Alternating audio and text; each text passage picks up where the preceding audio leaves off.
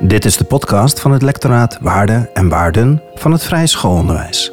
We leven in een ongelijke wereld. Een wereld waarin sprake is van heel veel onrechtvaardigheid, ongelijkheid op het gebied van ja, inkomen, vermogen en andere dingen die je bestaanszekerheid bepalen, maar ook op het gebied van bijvoorbeeld erkenning. Wiens perspectief wordt gehoord, wiens perspectief wordt vertegenwoordigd.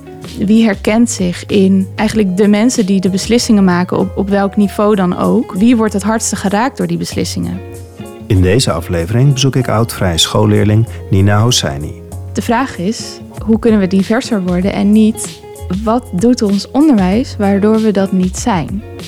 Als er wordt gesproken over hoe kunnen we zorgen voor meer diversiteit, dat we onszelf de vraag stellen niet alleen wat kunnen we toevoegen, maar ook welke elementen in het onderwijs wat, wat ontwikkeld is en wat onderbouwd is en wat al heel lang wordt gegeven vanuit een bepaalde visie, durf je die elementen ook kritisch in de ogen te kijken en te denken: oh wacht, dit is eigenlijk gebaseerd op een, op een mensbeeld wat niet aansluit bij de groep die we willen aantrekken. Als we echt iets willen veranderen, moeten we ook dat mensbeeld veranderen. Nina doet promotieonderzoek gericht op de vraag hoe op social justice gericht opleidingsonderwijs kan bijdragen aan het vergroten van kritisch bewustzijn van structurele ongelijkheid onder aankomende leerkrachten in het basisonderwijs. Dit promotietraject is een samenwerking tussen de Universiteit van Amsterdam en de Hogeschool IPABO. Witte vrouwen eigenlijk het grootste deel uitmaken van de, van de beroepsgroep van leraren. Daar is niets mis mee. Maar wat wel mis mee is, is dat het een vrij homogene groep is met soms vergelijkbare perspectieven. Veel leraren in opleiding hebben niet te maken gehad met de negatieve kanten van racisme. Ze hebben wel uh, wit privilege daar voordeel van gehad. Maar we hebben dat niet altijd door. Want dat is maar net iets waar je in moet verdiepen. Naast het onderzoek is Nina ook als docent betrokken bij het onderwijs aan vierdejaars PABO-studenten binnen het uitstroomprofiel diversiteit en kritisch burgerschap. Welkom Nina in de podcast. Dankjewel. Kan jij even aan de luisteraar vertellen wie ben jij en wat doe je? Ja, is goed. Um, mijn naam is Nina Alseni. Ik ben 26 en ik ben op dit moment promovendus aan uh, de Hogeschool IPABO en de Universiteit van Amsterdam. En ik doe onderzoek naar hoe een lerarenopleiding die gericht is op social justice kan bijdragen aan het doorbreken van structurele ongelijkheid. Daarvoor uh, heb ik onderwijskunde gestudeerd, dus ik ben eigenlijk onderwijskundige. En waarom is die vraag belangrijk die jij jezelf afstelt? We hebben het heel veel over kansengelijkheid op dit moment in het onderwijs. De kansenongelijkheid is groot, neemt toe. Er wordt ook heel veel geroepen over verschillende oplossingen. En het lijkt soms alsof we met alle neuzen dezelfde kant op staan. We willen allemaal kansenongelijkheid aanpakken. Maar wat mij vaak opvalt in het debat is dat mensen hele verschillende dingen voorstellen. die eigenlijk soms best wel tegenstrijdig kunnen zijn. Wij richten ons op het bestrijden van ongelijkheid vanuit een, een social justice perspectief. Ja, het is, het is lastig te vertalen, ehm, dus ik hou meestal de Engelse term aan. Maar ja, hoe ik het zou omschrijven is oog hebben voor structurele ongelijkheid die leerlingen van gemarginaliseerde groepen, denk bijvoorbeeld leerlingen van kleur, leerlingen uit lagere sociale economische klassen, uh, eh, LGBTQIA leerlingen, uh, disabled leerlingen, nou ja, eigenlijk alle groepen die, uh, die op achterstand worden gezet in onze maatschappij. Die structurele ongelijkheden die hen raakt, dat we die niet alleen willen aanpakken in onze eigen klas of compenseren. Dus extra bijlessen voor leerlingen met achterstanden. En denken dat we daarmee zijn, maar dat we ook kijken naar welke structuren zorgen ervoor dat sommige leerlingen een voorsprong krijgen en andere leerlingen op achterstand worden gezet. En kunnen we daar ook wat aan doen? Het heeft wat meer oog voor de ongelijkheid binnen en buiten het klaslokaal. Hoe eigenlijk allerlei normen en systemen uh, die ongelijkheid op een structurele basis creëren. En niet alleen maar op het moment dat jij als leraar een bepaalde keuze maakt. En hoe pak je dat onderzoek aan? We zijn begonnen met een reviewstudie van de internationale literatuur. Want je ziet dat in de Verenigde Staten vooral is er heel veel onderzoek gedaan op het gebied van, van social justice uh, oriented teacher education. En ook op, op vergelijkbare dingen zoals antiracistisch onderwijs. Dat soort dingen zijn veel verder ontwikkeld in de VS. Uh, ligt echt uh, tientallen jaren aan onderzoek. En in Nederland is dat eigenlijk nog relatief nieuw. Of er wordt wel onderzoek gedaan bijvoorbeeld naar diversiteit, maar niet echt vanuit dat structurele perspectief wat wij hanteren. En daarom hebben we gekeken wat kunnen we leren uit de internationale literatuur op dit vlak. Wat is er de afgelopen tien jaar gedaan? Wat zien we voor patronen in ja, de activiteiten die leraren op leiders ondernemen? Uh, maar ook bijvoorbeeld in de reacties die ze krijgen, de spanningen, de dingen waar ze tegenaan lopen. En dat willen we mee gaan nemen naar de Nederlandse context. Dus ik heb die review-studie uh, afgerond nu. Um, de analyse is klaar. En we hebben een Nederlandstalig paper geschreven... waarin we ja, wat voorbeelden geven uit wat we zien. Uh, en daarnaast is, zijn we bezig nog met het grote paper... waarin we echt dat, dat overkoepelende beeld schetsen. En ik heb ook onderzoek gedaan naar wat PABO-studenten op dit moment... wat hun ideeën zijn, hun opvattingen en overtuigingen over kansongelijkheid of gelijkheid in, uh, in Nederland, in het onderwijs. En we willen eigenlijk op basis van die twee dingen een onderwijsprogramma ontwikkelen.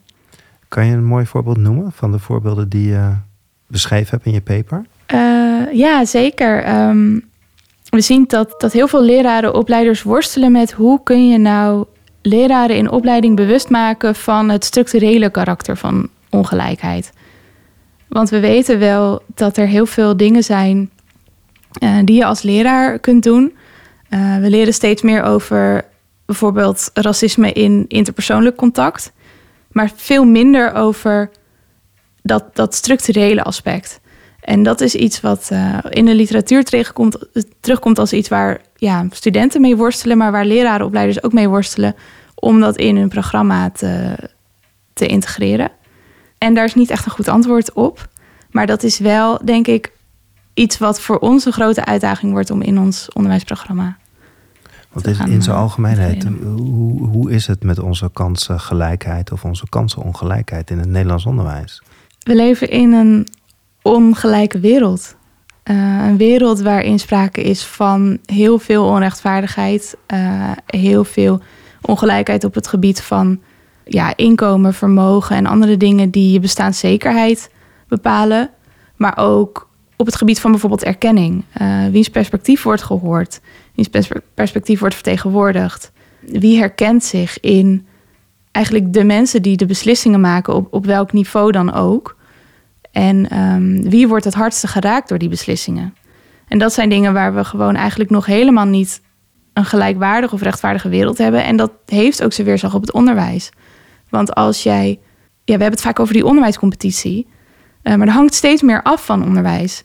Want je weet steeds meer dat je gewoon niet zeker weet of je nog een dak boven je hoofd hebt over een paar jaar.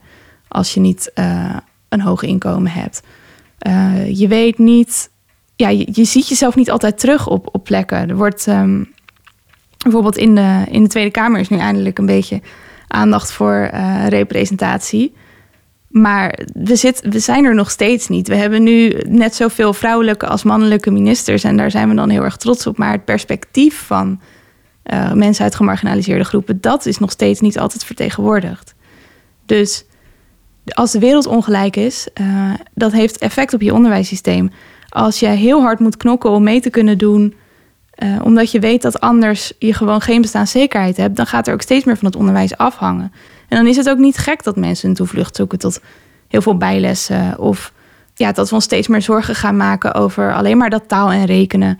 Want dat heeft ook te maken met die competitie die er is. Die competitie is er om een reden. En dat is omdat mensen gewoon niet zeker zijn van hun bestaan en van het krijgen van erkenning en waardering buiten het onderwijs. Je zegt in jouw taal, het heeft zijn weerslag op het onderwijs. Maar is het onderwijs eigenlijk niet in de voorbeelden die jij noemt, eigenlijk niet een deel van. Zeker. Ja?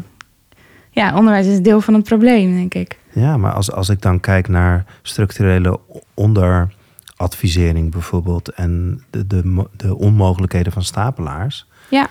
Hè, de, de, de, de kracht van verwachtingen die leerkrachten uitspreken. Ja. Dan, dan zie ik ook heel veel ongelijkheid door ons onderwijssysteem. Ja, dat klopt zeker. Uh, onderwijs wordt heel vaak gezien als nou, emancipatiemotor. Iets wat zorgt voor gelijke kansen, iets wat zorgt voor sociale mobiliteit. Iets wat ervoor zorgt dat kinderen meer kansen krijgen. Maar tegelijkertijd is het ook iets wat zorgt dat kinderen minder kansen krijgen. Het is een, een systeem dat, dat kinderen ongelijk behandelt. Uh, een systeem dat heel veel impact heeft op wat uiteindelijk een kind kan bereiken. Eigenlijk voor kansen krijgt in de rest van zijn leven. In plaats van een emancipatiemotor is het misschien wel meer een, een systeem wat sommige kinderen op voorsprong zet en andere kinderen op achterstand. Voor de ene is het onderwijs, nou ja, een springplank waar je eigenlijk op het moment dat je je inzet best wel makkelijk door alle hindernissen heen gaat. Uh, of langs alle hindernissen heen gaat, omdat dat eigenlijk ja, gewoon een plek is waar je je kan ontwikkelen. En voor andere mensen is het meer een hindernisbaan waar je gewoon de hele tijd geremd wordt door allerlei factoren buiten je eigen, eigen invloedssfeer om. En daardoor is het voor het ene kind gewoon ook veel makkelijker dan voor het andere kind. En dan hebben we een, een samenleving die zegt: we moeten kansengelijkheid hebben in het onderwijs. En dan wat je met die kans doet, dat is aan jou. En dat, dan is het dus ook eerlijk dat daar ongelijkheid uit voortkomt. Maar die kansen zijn helemaal niet eerlijk verdeeld. En je, je, begon ook net van social justice is een vraag die je veel in het onderwijs hoort. Dus er is vanuit het onderwijs eigenlijk veel verlangen om het anders te doen. Ja. We doen niet genoeg. Waarom zouden we het eventueel anders willen? Willen we het wel? Laat ik, laat ik hem scherper stellen. Willen we dit eigenlijk wel veranderen? Er zijn natuurlijk ook wel groepen best wel bij gebaat op deze manier. Ja, ja dat is een goede vraag. En misschien is het ook meer, meerdere kanten. Want er zijn inderdaad groepen bij gebaat uh, waar achterstand, waar mensen op achterstand worden gezet, worden andere mensen op voorsprong gezet. Die kant is er ook altijd en, en mensen profiteren daarvan. Aan de andere kant is het ook heel vaak dat we het niet weten. Dat als je, ja, de meeste leraren uh, in Nederland, maar ook, dat zie je eigenlijk verspreid over, over al die landen waar, waar we die literatuur vandaan hebben, zie je dat, dat witte vrouwen eigenlijk het grootste deel uitmaken van de, van de beroepsgroep van leraren. En dat is, daar is niets mis mee. Ehm, maar wat wel mis mee is, is dat het een vrij homogene uh, groep is met soms vergelijkbare perspectieven. Veel leraren in opleiding hebben niet te maken gehad met de negatieve kanten van racisme. Ze hebben wel uh, wit privilege daar voordeel van gehad. Maar we hebben dat niet altijd door. Want dat is maar net iets waar je in moet verdiepen. Waar je over moet leren. Um, en niet iets wat je per se merkt. Want ja, je, je ervaart alleen maar de positieve kant ervan. Dat, dat zegt ook wel iets over wat kunnen we met elkaar. Want dat betekent dat we eigenlijk actief aan de slag moeten met dat bewustzijn creëren. Leren waar onze eigen perspectieven beperkt kunnen zijn. Waar als jij een hele andere achtergrond hebt en een hele andere uitgangspositie dan de kinderen die je in je klas hebt, dat het ook best logisch is dat je niet automatisch begrijpt waar ze vandaan komen, welke waarden er in hun gemeenschap belangrijk zijn, die misschien anders zijn dan die van jou, maar die wel bepalen hoe ze ergens op reageren. En dat je soms ook een bepaalde manier van opvoeden ten onrechte kunt afdoen als niet betrokken, omdat het anders is dan wat je gewend bent. Dat is heel logisch, dat, dat hebben mensen altijd. Je kan je niet verplaatsen, zomaar weten hoe, hoe anderen ergens over denken als je het niet kent. Maar het is wel belangrijk dat we ons bewust zijn van dat ons perspectief vaak beperkt is. En dat het dus ook om actie vraagt om daar iets aan te veranderen. Kan jij iets vertellen over je eigen achtergrond? Ik ben begonnen hier op een, een basisschool ehm, in, uh, in Haarlem. En ja, de buurt waar ik ben opgegroeid is een beetje zo'n klassieke arbeiderswijk, uh, was het vroeger. En het is wel enigszins gemengd, maar toch, de witte mensen zijn wel, wel de grootste groep hier in de wijk. En ik ben niet wit, ik ben Iraans-Nederlands. Ik heb dus een migratieachtergrond ook ik heb op mijn basisschool best wel ehm, veel te maken gehad met racisme bijvoorbeeld. Best wel openlijk ook. En ik zat op een school waar ook gewoon niet zo heel veel van ons verwacht werd. Wat is openlijke racisme, bedoel je mee? Gewoon in woord en, uh, en gebaar en taal en ja, uitsluiting? Of? Uitsluiting, uh, stigmatiserende opmerkingen. Ja, ik ben een kind dat, uh, dat opgroeide rondom de tijd van 9-11. mijn achternaam is Olseni. Dat leverde een hele hoop islamofobe opmerkingen op. En dat, uh, dat heb ik zeker wel meegemaakt. Ik, ik, ben overigens geen moslim, maar je wordt heel snel op één hoop gegooid, gestigmatiseerd. En ja, Saddam Hussein is dan wel de, meest voor de hand liggende bijnaam, of course. Ik, ja, ik heb op een basisschool gezeten waar ik eigenlijk meteen wel in aanraking kwam met, in mijn geval, dan racisme, omdat ik daardoor geraakt werd. Um, maar waar ik achteraf ook denk, er werd niet heel veel van ons verwacht. Bijna iedereen op school um, kregen sowieso een VMBO-advies. Dat was eigenlijk een beetje de standaard. Um, maar vaak ook een beetje gepaard met het idee van, nou, het hoeft ook allemaal niet zo. Het is prima zo, die, die taal gaan jullie toch niet helemaal leren. ja, bijna iedereen eh, kreeg een VMBO-advies. En la- later zag ik ook wel dat er best wel veel leerlingen waren die hebben geprobeerd te stapelen. Die eigenlijk wel redelijk duidelijk ondergeadviseerd werden. Maar er werd gewoon niet zo heel veel verwacht van de meeste mensen bij mij op school. Maar ik was altijd een beetje de uitzondering. Eh, mijn hobby was lezen, mijn grootste hobby. Ik was heel erg geïnteresseerd in eh, klimaatverandering tegengaan. En, daar, en dan, ja, dan voerde ik actie voor het Wereld Natuurfonds. Zo'n kind was ik die dan langs de straten ging voor de panda. Eh, en dat was allemaal vrij ongebruikelijk bij, eh, bij onze school. En ik vond nooit aansluiting in de wijk. Eh, ik werd op school... Ik had ook wel vaak te maken met, met racisme eh, en islamofobie. Ja, dat, dat merkte ik wel van klein, ja, vanaf dat ik een klein kind was. Ehm, bijvoorbeeld opmerkingen als... jij mag hier niet spelen op dit plein, vieze Turk. Dat, overigens ben ik niet Turks, ik ben Iraans-Nederlands... maar ik vind niet per se dat dat ertoe doet. Want ik vind niet dat je tegen iemand met een Turkse achtergrond... dat wel zou moeten zeggen. Uh, maar dat zijn allemaal dingen die ik toen nog niet helemaal door had. Ik dacht, wat, ik, ik dacht zelf ook lang dat ik, dat ik wit was. Uh, ik ben opgevoed door mijn witte Nederlandse moeder. En ik werd echt met mijn neus op de feiten geduwd van jij bent anders. Zonder dat ik dat zelf door had. En daarna ben ik naar een vrije school gegaan. Een vrije school voor middelbaar onderwijs. Je zegt het heel makkelijk, maar neem me even mee. Waarom heb je de keuze gemaakt om naar het vrije school middelbaar onderwijs ja, te gaan? goede vraag. Ik wilde echt iets anders. Ik, uh, ja, ik vond dus die aansluiting niet bij mij in de wijk. En ik was veel meer geïnteresseerd in... Um, ja, bijvoorbeeld dus het, het, klimaat, dat soort thema's, uh, maatschappelijke thema's. Ik, ik, wilde daar wel wat mee. Maar ik liep op mijn oude school altijd tegen de muur aan. Ik weet, een lerares zei... Uh, ja, de kans is groter dat je morgen onder een auto komt... dan dat we ooit een klimaatprobleem hebben. Nou, dat is niet helemaal uitgekomen. Maar toen ik op een vrije school open dag kwam... Uh, mijn nicht zat op de vrije school. Ja, het voelde echt als een warm bad. Ik dacht van, hé, hey, dit is een school die juist wel ja, de mens zag. Die, die ook het type mens zag wat ik was, dacht ik.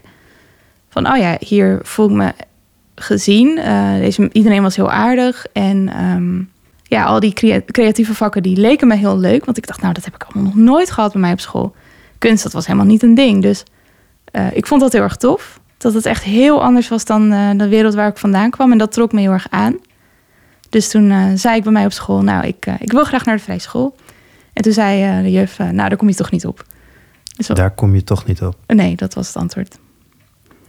Want niemand van onze school was ooit aangenomen op de vrije school. Er waren wel mensen die het geprobeerd hadden. Maar er was zo'n aannamemiddag. En daar werd je dan in een klein groepje uitgenodigd. En dan ging je gesprekken voeren en dingen invullen. Ik weet, ik weet niet meer precies wat we deden, maar ik weet nog wel dat we in een kringetje zaten en dat ik ook dingen heb opgeschreven. En dat er dan uiteindelijk een brief kwam of je paste op de vrije school. En als je paste, dan kwam er nog een loting. En dan hadden de kinderen met een vrije schoolachtergrond voorrang. Ik kreeg gelukkig de brief, je past en je bent, uh, volgens mij hoefden we niet te loten. Maar ik was toegelaten, daar was ik heel blij mee. Maar ik was wel de eerste hier uit de buurt die, uh, die naar de vrije school ging. En was je dan ook toen je startte aan de vrije school een van de weinigen met een kleur? Ja. Of viel dat wel mee? Uh, ik was een van de weinige personen van kleur bij ons op school. Altijd gebleven in uh, de tijd dat ik erop zat. En ik was ook wel een van de weinige personen uit een gezin met een wat lager inkomen. Hoe was dat? Nou, dat was best wel een gekke ervaring. Uh, want het was zoals ik zei, dus een hele andere wereld dan ik kende. Um, en een wereld die beter paste bij mij als individu. Bij de dingen die ik fijn vond om te doen. Uh, waar ik me dus eigenlijk heel erg fijn voelde. Van oh, ik kan eindelijk ben ik op een plek waar ik me gezien voel. Dat aan de ene kant. En aan de andere kant liep ik ook wel tegen veel dingen aan. Het zijn echt van die kleine dingen als het schoolgeld was. Zo hoog. Uh, en dat was voor mijn moeder altijd wel iets waar ze zich veel zorgen om maakte. Uh, en dan werd er bijvoorbeeld op school verwacht dat je. Nou ja, het zijn allemaal normen, dat heb je natuurlijk overal. Maar toen ik op de vrije school kwam uh, en voor het eerst les had in tekenen, ja, werd ik nogal uitgelachen om de manier waarop ik tekende. Dat had ik nooit geleerd. Uh, en al die kinderen die de vrije basisschool hadden gedaan, natuurlijk wel. maar ook om welke potloden ik had. Want je hebt op de vrije school van die, van die dikke potloden. Van die uh, nou, best wel dure, mooie potloden. En dat, uh, ja, dat was wel een soort ding dat je dat moest hebben. Maar die waren onbetaalbaar voor ons. Dus ik kwam aan met mijn goedkope potloodjes waar ik het altijd mee had gered op de basisschool. En uh, ja, dat was toen wel een beetje een shock van nee, dit is echt, dit is niet goed. En, en dat heb je natuurlijk, die normen zijn er op de school, maar ook tussen leerlingen onderling. Vaak had ik wel dat ik dacht, oh wacht, ik hoorde er even niet meer bij. Er wordt opeens van alles van je verwacht. En ook dingen die voor ons als gezin wel moeilijk waren. Mijn moeder was alleenstaande moeder. Uh, we kwamen net rond. En die vrije school was wel echt een, een aanslag op, uh, op de financiën in het gezin. Was je daarvan bewust als 12, 13 jaar? Ja, dat krijg je mee. Ja. Sowieso als je opgroeit in een gezin waarbij je altijd net kunt rondkomen. Echt net. Maar de, de wasmachine moet niet kapot gaan. Dan is dat iets wat je meekrijgt. Dan levert dat zorgen op. En dat waren wel zorgen waar niemand zich in herkende bij mij op school, op de vrijschool. En toch zeg je net in twee keer heel duidelijk: ik werd gezien. Ja. Hoe werd je gezien? Of wat deden ze dat ze jou zagen en dat jij het gevoel had dat ze betrokken waren bij jou? Ik denk dat de vrije school best wel een warme omgeving kan zijn. Ik, ik vond het een hele fijne school. Ook het type mens vond ik toen zeker heel erg fijn. Ik heb ook hele goede vriendschappen opgedaan op de vrije school. Mensen die ik nog steeds dagelijks spreek. En ik had altijd wel het gevoel dat de school wat, wat zachter is of zo tussen mensen. En dat vond ik heel fijn. Dus ja, ik, ik persoonlijk heb, heb gewoon een hele leuke, leuke tijd gehad op de, op de vrije school. Maar je, je zat ook tussen twee werelden in. Maar ik zat ook, ja. En hoe gingen ze dan met dit stuk om? Dat je, dat je niet die dure potloden had en dat je misschien wel eens niet de, het schoolgeld op tijd kon betalen, of je moeder dan. Hoe gingen ze met dat deel om? Begrepen ze dat? Konden ze dat een plek geven? Konden ze jou daarin helpen? Hoe, hoe, hoe ging dat? Nou, dat deel werd dus niet gezien. Ook niet door, de, door je begeleiders of je docenten? Nee, um, ik weet dat er... Ja, sowieso is het natuurlijk met, um, met schoolkosten... dat eigenlijk formeel is het vrijwillig. En ook het geldt voor excursies en zo. Um, maar heel veel scholen ofwel overtreden die uh, regels... of ja, manipuleren je een beetje of zetten je onder druk om toch wel het idee te hebben dat het verplicht is. Dus dat is niet per se vrije school eigen, maar dat is wel iets wat ook op de vrije school gebeurt. We hadden hele hoge kosten voor de vrijwillige ouderbijdrage. Daarvan weet je dat het vrijwillig is. Maar alles wat, wat los stond daarvan, dus uh, reisjes en zo, die werden los in rekening gebracht. En er werd wel voorbereid op dat we in, uh, in de elfde naar de, op kunstreis gingen. Dat was nou, 600 euro uit mijn hoofd. Iets rond 600 euro. En daar werd je wel op voorbereid. Nou, dat is een, een grote hap geld. Werd je geholpen vanuit de school? Of, laat ik hem anders zetten, zit er ook een stukje in dat je, als jouw omgeving allemaal het zo vanzelfsprekend heeft, dat die dat, allemaal doen, dat, dat je ook de weg dan ook niet weet, of misschien, ik weet niet of het schaamte is, of dat je niet de, de, de vraag durft te stellen uh, van help mij. Dat weet ik even niet. Snap je mijn vraag? Ja, ja da daar wilde ik inderdaad naar, uh, naartoe, zeker. Ja. Want was dat er? Um, was er bijvoorbeeld wel hulp of, of was er ook een schaamte om het niet te vragen of iets in die richting? Ik denk dat heel veel mensen zich niet realiseerden dat dit zo'n grote hobbel was. Voor gezinnen zoals die van mij. Want bijvoorbeeld voor de kunstreis werd er gezegd: er is, een, er is een potje waar je aanspraak op kan maken als je het echt niet kan betalen. Nou ja, dan als ouder ik denk, het god in elk geval voor mijn moeder, maar ik denk voor meer ouders dat je dat liever niet wilt. Dat je denkt, nee joh, ik wil mijn kind alles kunnen geven. Uh, ik wil daar niet aanspraak op maken, maar het was niet standaard. Het was niet, als je het kunt betalen, doe het dan. Maar het hoeft niet. Het was wel een beetje, wat is de bedoeling? En als het echt niet lukt, dan zijn er potjes. Maar dat heeft toch een soort afschrikkende werking, want daardoor denk je wel, oké, een school waar het blijkbaar normaal is dat je zoveel geld kunt missen. En waar dan ook wordt gezegd, nou anders kunnen we ons onderwijs niet meer vormgeven zoals we doen, want het is nou eenmaal heel duur en we krijgen te weinig financiering van de overheid, wat allemaal waar is. Maar het geeft wel een signaal af. Van dit is niet per se de plek voor jou. We kunnen wel een uitzondering voor je maken. Maar het is wel normaal dat je dit doet. En er werd ook niet altijd gecommuniceerd dat het vrijwillig was. Dus dan Ben je als ouder aan het sparen voor een kunstreis van 600 euro? Dan denk je, oké, nou dat moet ik dan betalen. Dat is gewoon een hele hoop geld voor ons. En dan doe je je best om dat bij elkaar te sparen. En dan komt er het jaar voor de kunstreis nog eventjes survival camp voor 280 euro. Wat je niet wist dat dat zo duur zou zijn. Ja, dat leverde wel wat zorgen op bij ons in het gezin. En mijn moeder heeft het uiteindelijk allemaal voor elkaar gekregen. Maar ja, het gaat niet zo makkelijk als bij, bij de kinderen die gewoon die brief naar hun ouders brengen en waar het verder niet besproken wordt. Ik had geen idee. Dus, maar ik liep er wel tegenaan en ook. Ja, ik, ik was ook echt duidelijk de enige dus uit deze buurt. Dat merk je wel. Veel leerlingen hebben toch een vergelijkbare soort achtergrond. En je merkt van, oh, ik kom ergens anders vandaan. En toen had ik nog wel veel schaamte voor mijn achtergrond. Inmiddels heb ik dat niet meer. Ja, toen had, voelde ik soms wel een beetje de noodzaak om het te gaan aanpassen. Ik ging ook opeens heel anders praten dan ik gewend was. Ik kwam terug op mijn basisschool en toen zeiden ze... Zo praat je als een kakker. Dat had ik aangeleerd. Dus ik, ik was me heel erg aan het aanpassen. Maar ik merkte wel dat ik van wereld veranderde. Ook al paste die nieuwe wereld beter bij mij... kwam het ook met hobbels dat sociale milieu eh, was dus een, uh, een gap. Was je kleur of je achtergrond of je, wat, je, wat je zei op je andere school. Had je dat ook op, de, op deze school?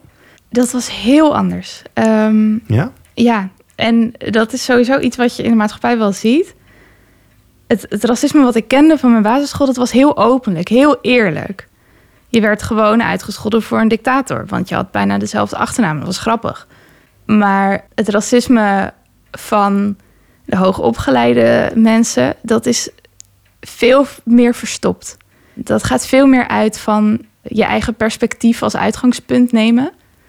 En even niet over nadenken dat er andere mensen zijn die ergens anders over denken.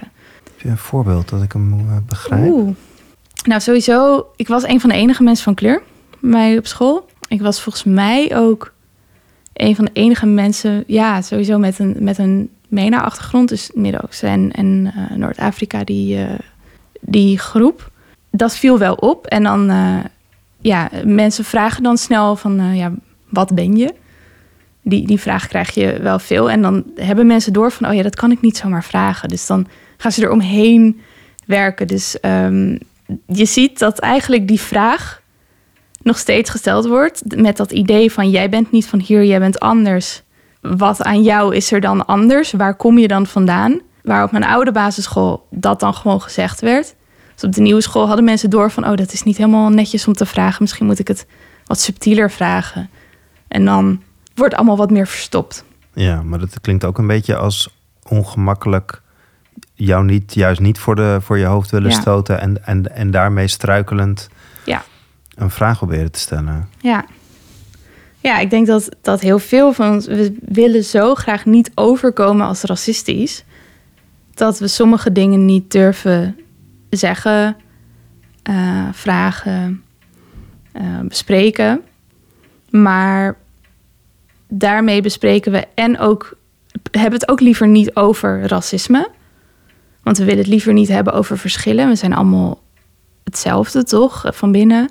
Ja, je ziet dat, dat mensen proberen ongemakkelijk over dingen heen te werken, maar dat, die, dat soms vooroordelen nog steeds overkomen. Alleen dan duurt het wat langer voordat je het herkent. En zag je dat ook in relatie tot jouw schoolprestaties of ontwikkelingen of wat er in de school gebeurde als het over jou ging? Als het ging over naar welke stroomopleiding je ging of als het over cijfers ging. Weet, weet je daarin ergens anders behandeld? Had je daarmee het gevoel? Dat kan natuurlijk positief zijn of negatief. Of... Ja, ik ben dus nooit ondergeadviseerd. Was ik wel moeilijk, want ik was enorm leergierig. En ik haalde altijd enorm hoge cijfers. Ik was super ambitieus. Dus het, ja, ook, ook al op de basisschool, het was altijd heel erg duidelijk dat ik voor het VWO ging. En er waren weinig mensen die eraan twijfelden dat dat ging lukken. Wat ik wel merkte is dat ik een beetje afga... dat sommige mensen dan zeiden: Oh, je hoeft je niet zoveel zorgen te maken over dat eindexamen. Dat is ook wel een beetje vrij school. lang kind blijven, lang spelletjes spelen, lang ehm, veel aandacht voor die creatieve vakken en helemaal nog niet zo met dat eindexamen bezig zijn. En ik merkte wel dat mijn vriendinnen die naar andere middelbare scholen waren gegaan, die gingen voorlopen op de stof ten opzichte van mij. Of nou, ik ging achterlopen eigenlijk. Zij waren dan normale, nominale pad aan het lopen. En uh, ik maakte me heel vaak wel zorgen.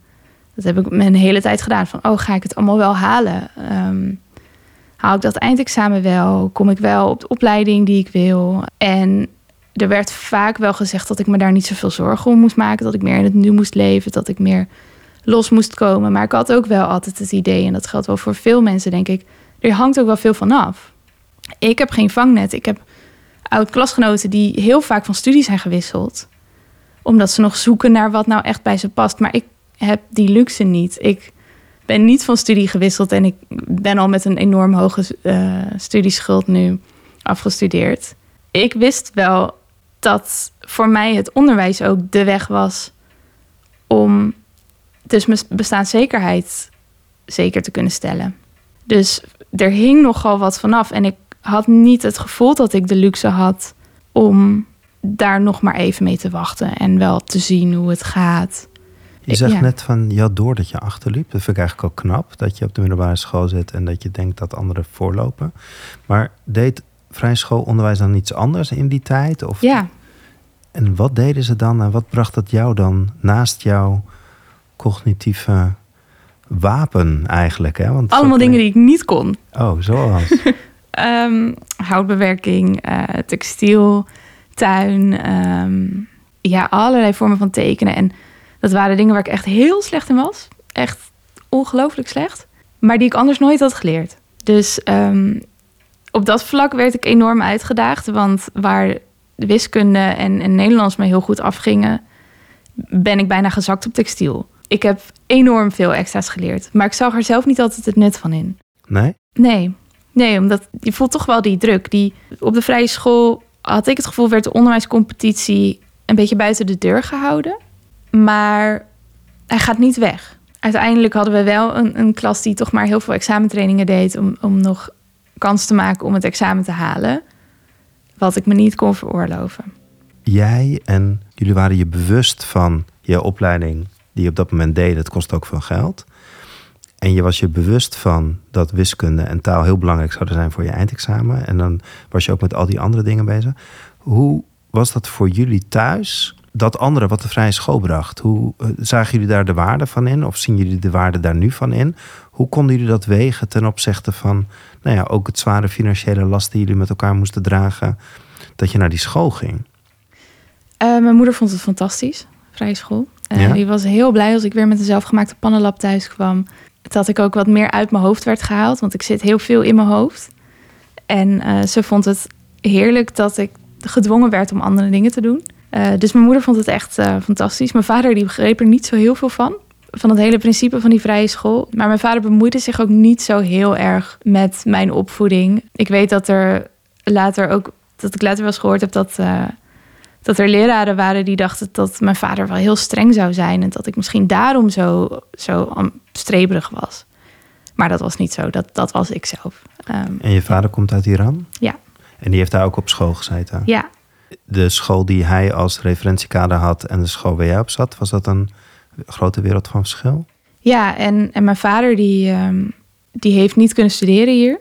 Heel veel redenen. Hij, wilde in Iran studeren. Toen brak de revolutie uit dat, um, ja, dat kon niet meer. Dus hij had, heeft altijd het gevoel gehad dat zijn toekomst van hem is afgepakt. Wat in zekere zin natuurlijk ook is. Want hij zag zijn land eigenlijk voor zijn ogen kapot gaan en zijn eigen toekomstbeeld in duigen vallen. En hij is hier naartoe gekomen met het idee: hier ga ik studeren, hier ga ik succesvol worden. En dat lukte toen ook niet. Want ja, eerst moet je door allerlei inburgerings- en taaldingen je heen slaan. Uh, dan blijkt dat het eigenlijk allemaal niet zo heel erg toegankelijk is. En, en dat je, ondanks dat je een opleiding hebt gevolgd in je thuisland, hier toch weer onderaan moet beginnen. En als, als, als uh, uitzendkracht, als vuilnisman moet gaan werken. Omdat dat is wat je kan doen, wat je hier mag doen. En toen is hij ook uh, ziek geworden, waardoor hij uiteindelijk door zijn gezondheid ook niet meer kon studeren. En mijn vader heeft wel altijd gedacht: dat is aan jou om dat dan wel te doen, om al die kansen te grijpen die ik niet heb gehad. Terwijl mijn moeder heeft ook niet gestudeerd, maar die was er helemaal tevreden mee. Die, uh, die, die vond dat prima, maar daar zat wel een mismatch in. Uh... Als jouw vader uit Iran kwam, die heeft daar op school gezeten en die kijkt dan naar jou in het Nederlands onderwijssysteem. Wat, wat was zijn beeld dan van zoveel levensvaardigheden, sociale vaardigheden met je hoofd, je handen en je hart in relatie tot misschien wel gewoon het vierkante papiertje waarmee jij zoveel mogelijk kansen hebt. Ja, hij zag die ehm, toegevoegde waarde niet zo. Nee, als hij mocht Nee. kiezen, had hij je liever het papiertje sec gegund, want dan heb je de meeste kansen. Ja, dat denk ik wel. Ja? Ja. Maar hij zat ook niet wars. Hij dacht, nou ja, doe dat maar. Je zei net dat je op de basisschool eigenlijk redelijk direct eh, racisme ontmoette en op de vrije school misschien wat indirecter of op andere vormen. Hoe kijk je daar eigenlijk naar, dat directe en dat indirecte, die twee verschillende werelden? Ja, ik vind dat wel een hele goede vraag. Ik denk dat zowel het indirecte als het directe voortkomt uit hetzelfde. Uit het, het perspectief van een dominante groep als, als norm stellen en, en alles wat anders is ook behandelen als anders, als minderwaardig, als iets waar je vragen over zou moeten stellen. Terwijl we niemand vraagt aan een wit persoon waar kom jij vandaan. Want alleen maar als je mij ziet, denk je, oh jij bent anders. Jij komt ergens anders vandaan. Dus dat onderliggende is, het, is hetzelfde. Dus of het nou direct of indirect geuit wordt, ik weet niet of het er eigenlijk toe doet. Want wat ik graag wil bespreken is, wat zit eronder? En kunnen we daar iets aan doen in plaats van ons hullen in allerlei dingen die we wel of niet zouden mogen zeggen? Uh, als je het ook bijvoorbeeld hebt over stigmatiserend taalgebruik. Er zijn best wel veel pogingen geweest om, om stigmatiserende woorden te verbannen uit, uit ons vocabulaire. En ik sta daarin. Daar, ik sta daarachter, want ik snap niet waarom je ervoor zou kiezen om een term te gebruiken die mensen schaadt. Ik snap niet waarom er mensen zijn die het N-woord voluit zeggen, want het is gewoon een hele stigmatiserende term. Het, is, het komt voort uit het diepste van ons racistisch verleden. Dus ik snap niet waarom je die term zou willen blijven gebruiken. Tegelijkertijd denk ik, door de term alleen in de band te doen en niet te kijken naar het onderliggende, naar dus het racistische verleden waar zoiets na komt, of in het geval van mij door niet openlijke islamofobe grappen te maken, maar wel het idee te blijven houden dat moslims allemaal terroristen zijn. Ja, ik weet niet of dat het beter maakt. Maakt het een of het ander makkelijker om het bespreekbaar met elkaar te maken? Ik denk dat de erkenning vooral belangrijk is dat het voortkomt uit hetzelfde. En dat dat iets is wat, waar mensen nog wel moeite mee hebben. Dat het gevoel hebben dat je heel erg op je tenen moet lopen om geen racistische opmerking te maken. Dus ook wel betekent dat onze standaard neiging is om dat wel te doen, als we er niet op letten. En die erkenning mist soms. Dat het niet alleen maar gaat over ik mag tegenwoordig niks meer zeggen. Maar over waarom wilde ik dat eigenlijk zeggen? Waarom wilde ik dat eigenlijk vragen? Die vraag stellen we elkaar volgens mij niet vaak genoeg. Waarom vinden we dit relevant om te benoemen? En wat, wat zeggen we daarmee? In plaats van alleen maar ik mag het niet meer zeggen. Nina, doet de intentie ertoe? Als je de vraag stelt waar kom je vandaan? Ik kom uit Amsterdam. Ik krijg heel vaak de vraag, uh, kom je uit Amsterdam? Of, dus ik herken die vraag wel. Waar komt die vandaan? Maar dan is die, die intentie misschien anders. Hoe belangrijk is die intentie in die vraagstelling? Ik denk dat we twee dingen moeten scheiden: intentie en impact. En dat is ook wel een gebruikelijke scheiding uh, die vaker gemaakt wordt. Met intentie uh, doet er zeker toe. Uh, ik merk ook bijvoorbeeld dat mensen van kleur vragen ook vaak aan mij: wat is jouw achtergrond? En dan is het zoeken naar herkenning. Dat is een andere intentie dan jij bent niet van hier. En dat merk je, want als, ik, als mensen vragen waar kom je vandaan en ik zeg Haarlem, dan zijn er mensen die zeggen: oh leuk, je komt uit Haarlem. En er zijn mensen die zeggen: nee, maar waar kom je echt vandaan? Of nee, dat bedoel ik niet. Of maar waar komen je ouders vandaan? En dan merk je het. Of dat mensen het soms niet willen, niet willen vragen. En dat ik dan zeg dat mijn vader in Spanje woont.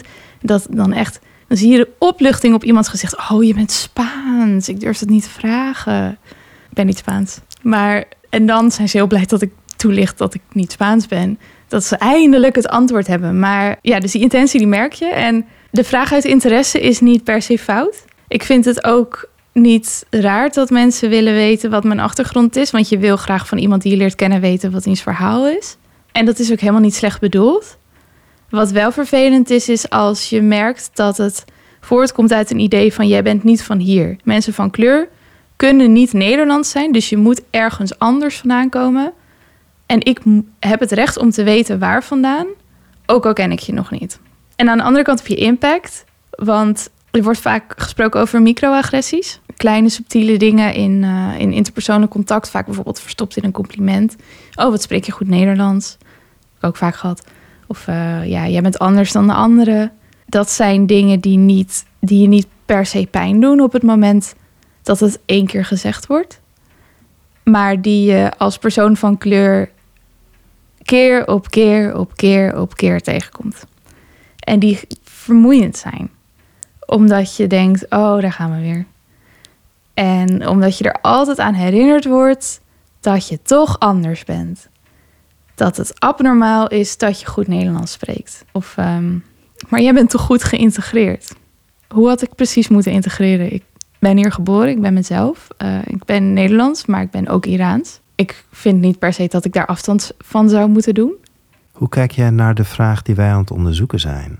We hebben je uitgenodigd op de vraag van vanuit vrije scholen komt het verlangen om meer divers te zijn. Hoe kijk je dat naar, naar die vraag en, en daarmee ook naar, naar ons dat wij op avontuur zijn vanuit die vraag? Ik vind het een hele interessante vraag om meer meerdere redenen. Uh, ten eerste vind ik het supergoed dat jullie dit onderzoeken. En dat je niet alleen maar denkt: oké, we moeten meer mensen van kleur aantrekken, bijvoorbeeld op de vrije school. Hoe kunnen we dat doen? Maar dat, dat je ook verkent wat betekent het? Wat voor vragen roept dat op? Aan de andere kant vind ik de vraag ook heel fascinerend, omdat ik me afvraag waarom die wordt gesteld en waarom op deze manier. Want um, het, het feit is dat vrije scholen op heel veel vlakken niet divers zijn. Dat er heel veel segregatie is, dat er vooral witte leerlingen op vrije scholen zitten. Dus dan gaat het bijvoorbeeld om het aantrekken van meer mensen van kleur. Maar de vraag is, hoe kunnen we diverser worden en niet wat doet ons onderwijs waardoor we dat niet zijn? En die vraag zou ik wel interessant vinden. Want je kunt wel zorgen voor meer diversiteit.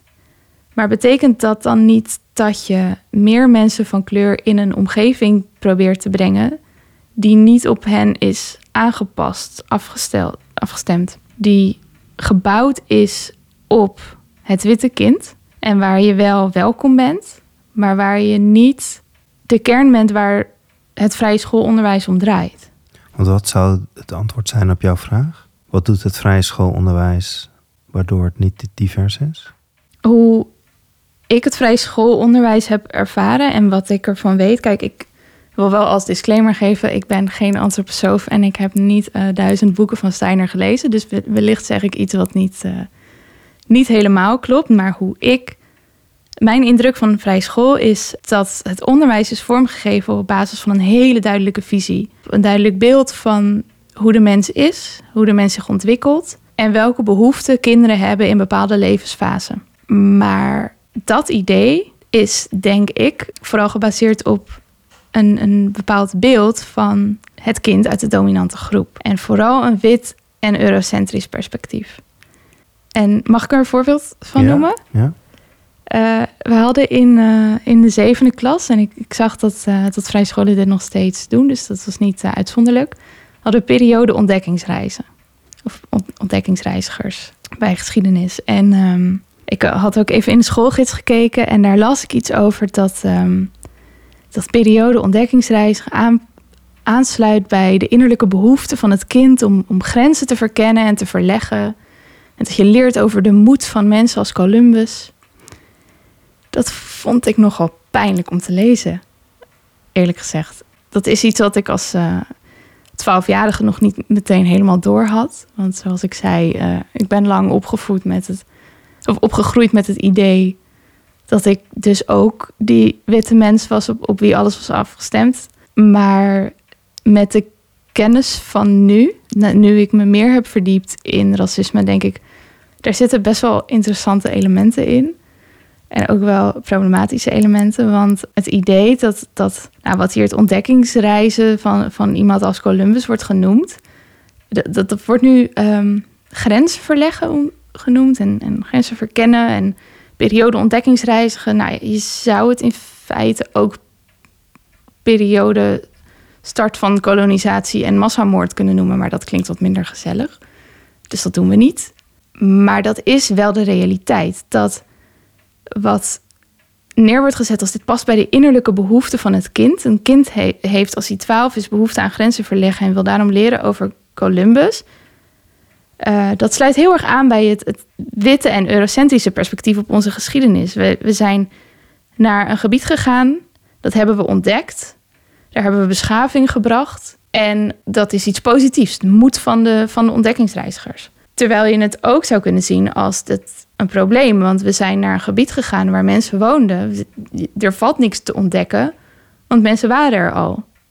Tel je pas mee als Europa weet dat je bestaat of als je er bent. En dat is voor een heel groot deel van de oorspronkelijke bevolking het begin van het einde geweest. Hun land is geroofd, hun uh, gemeenschappen zijn uitgemoord. En dat is een heel ander perspectief. Wij tekenden hoe, hoe ze dan gingen reizen. En dan nou, had je heel veel aandacht voor, voor dat creatieve, voor die wereldkaarten tekenen. Wel allemaal vanuit het idee dat uh, ja, dat, dat dus wat, wat bij, ons, bij onze ontwikkeling aansloot. Maar dan ga je uit van de ontwikkeling van het kind, wat kijkt naar de geschiedenis als mijn voorouders hebben dit gedaan en dat was iets positiefs. Maar als jij uit een, als je een ander perspectief van thuis hebt meegenomen, dan schrik je misschien enorm van wat je dan, ja, van, van het idee dat dat zou aansluiten bij wat je als, als 12-jarige nodig hebt. En dat zijn kleine dingetjes. En, dit is een voorbeeld. Het voorbeeld wat je, wat je geeft maakt het heel erg duidelijk. Hè? zou jij vanuit een ander perspectief, als je het opnieuw zou, zou mogen ontwikkelen, zou jij het vrije schoolonderwijs en, en wel inclusiviteit voor verschillende perspectieven bij elkaar kunnen krijgen? Ja, wat ik mee heb gekregen van, uh, van bijvoorbeeld de Waldorf van de Werfschool, is dat er niet alleen gekeken wordt naar welke perspectieven kunnen we toevoegen. Dus oh, er moeten gekleurde poppen in de poppenhoek. Er moeten um, meer verhalen worden verteld, meer feesten georganiseerd. Maar dat je ook durft te kijken naar wat kritisch durft te kijken naar het perspectief wat je nu hanteert en of je dat kunt veranderen. En ik weet niet of dat iets is wat op meer plekken binnen de vrije school gebeurt.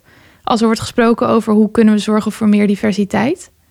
Uh, dat we onszelf de vraag stellen, niet alleen wat kunnen we toevoegen, maar ook welke elementen in het onderwijs wat, wat ontwikkeld is en wat onderbouwd is en wat al heel lang wordt gegeven vanuit een bepaalde visie, durf je die elementen ook kritisch in de ogen te kijken en te denken: oh wacht, dit is eigenlijk gebaseerd op een, op een mensbeeld wat niet aansluit bij de groep die we willen aantrekken. Dus als we echt iets willen veranderen, moeten we ook dat mensbeeld uh, veranderen. En niet alleen meerdere perspectieven toevoegen, maar ook de dominantie van dat witte eurocentrische perspectief doorbreken. En dus ook elementen eruit halen. Dat kan wel pijnlijk zijn. Ik weet dat bij ons op school, nou, op een gegeven moment, ik, ik denk dat het voor veel vrijschoolleerlingen wel herkenbaar is dat je, dat je soms vragen hebt bij waarom het onderwijs is zoals het is. En dan uh, een, een antwoord krijgt als dat uh, moet je ervaren of daar kom je, kom je zelf achter. En waarom, waarom zeggen we eigenlijk elke ochtend de spreuk? Nou, die vraag is eigenlijk nooit, nooit echt beantwoord. En sommige dingen kom je ook inderdaad achter. En sommige dingen heb ik nog steeds vragen over. En dan kun je wel denken: oké, we willen meer diversiteit. We gaan meer perspectieven opzoeken. Uh, we gaan ons onderwijs aanvullen met alles wat het nog mist. Maar ik denk dat het ook belangrijk is om de vraag te stellen: welke dingen er nu in, in de huidige manier van denken over het vrij schoolonderwijs zitten, die we kritisch moeten bekijken en waar we misschien afstand van moeten nemen en waar we iets mee moeten. Als je uitgaat, als je alleen maar kijkt naar wat doet het vrij schoolonderwijs nu, en onze pedagogiek is in principe inclusief, maar hoe kunnen we die elementen eruit halen die dat net niet zijn? En dan komt het wel goed. Dan ben je nog steeds wel je eigen perspectief aan het hanteren. Uh, en daar vanuit aan het kijken. Dus dat, dat is belangrijk, maar het is niet het enige. Nina, je bent als laatste vraag. Waartoe dient ons onderwijs en wat beschouw jij als jouw pedagogische opdracht? Ik um, beschouw als mijn pedagogische opdracht dat onderwijs hoort bij te dragen aan een samenleving die rechtvaardiger en eerlijker wordt in plaats van minder eerlijk. Um, en dat dat mij vraagt en, en iedereen, ehm, maar ook mij, om na te denken over elk ding wat ik denk of doe, of dat hoe dat uitwerkt op mensen. Waar dat vandaan komt, hoe dat uitwerkt op mensen. Ehm, en of dat eigenlijk een voortzetting is van de ongelijkheid in ons systeem. Of dat het er tegenin gaat. En om te zoeken naar de manieren waar we dat kunnen, kunnen omdraaien. Waar we vanzelfsprekende normen ter discussie kunnen stellen en tot een nieuw perspectief kunnen komen, iets kunnen leren, kritisch op onszelf zijn en ook ehm, dat ongemak op te zoeken. Dus dat vind ik een uitdaging voor mezelf en ook om daar stelling in te nemen, want ik, mijn promotieonderzoek gaat over social justice oriented teacher education. En ik heb wel verteld over wat de doelen daarvan kunnen zijn. Ehm, maar wat eigenlijk een heel erg belangrijk uitgangspunt is, is dat een social justice perspectief in onderwijs erkent dat onderwijs politiek is. Onderwijs is inherent politiek en niet neutraal. En als leraar ben je ook niet neutraal. En dat, dat het politieke karakter van onderwijs dat betekent niet dat, dat je kinderen moet overtuigen om een bepaalde politieke voorkeur aan te nemen of, of dat je dat over moet brengen. Uh, maar het gaat meer over de erkenning dat alles wat je doet een politieke keuze is en niet neutraal is. Of je er nou bewust van bent of niet. Dat als jij een, een perspectief um, ter discussie stelt, en, en dat gebeurt steeds meer, kritiek op, op dingen die we al heel lang onderwijzen, dat dan het, het woke-verwijt vaak uh, gebruikt wordt. Van, oh, dat is allemaal te woke. Um, ja, sommige dingen, het bedreigt academische vrijheid. Uh, werd ook op, uh, universiteiten soms gezegd. als je dingen ter discussie stelt, dat dat dan niet goed is. Dat dat dan te politiek ook vaak is. Nou, sommige dingen zijn gewoon onderwijs. Daar moeten we gewoon niet aankomen. En het is waar dat het politiek is om, om ons onderwijs ter discussie te stellen. Maar het is ook waar dat het lesgeven van die dingen en het niet ter discussie stellen, dat dat net zo'n politieke keuze is. Dat is ook niet neutraal.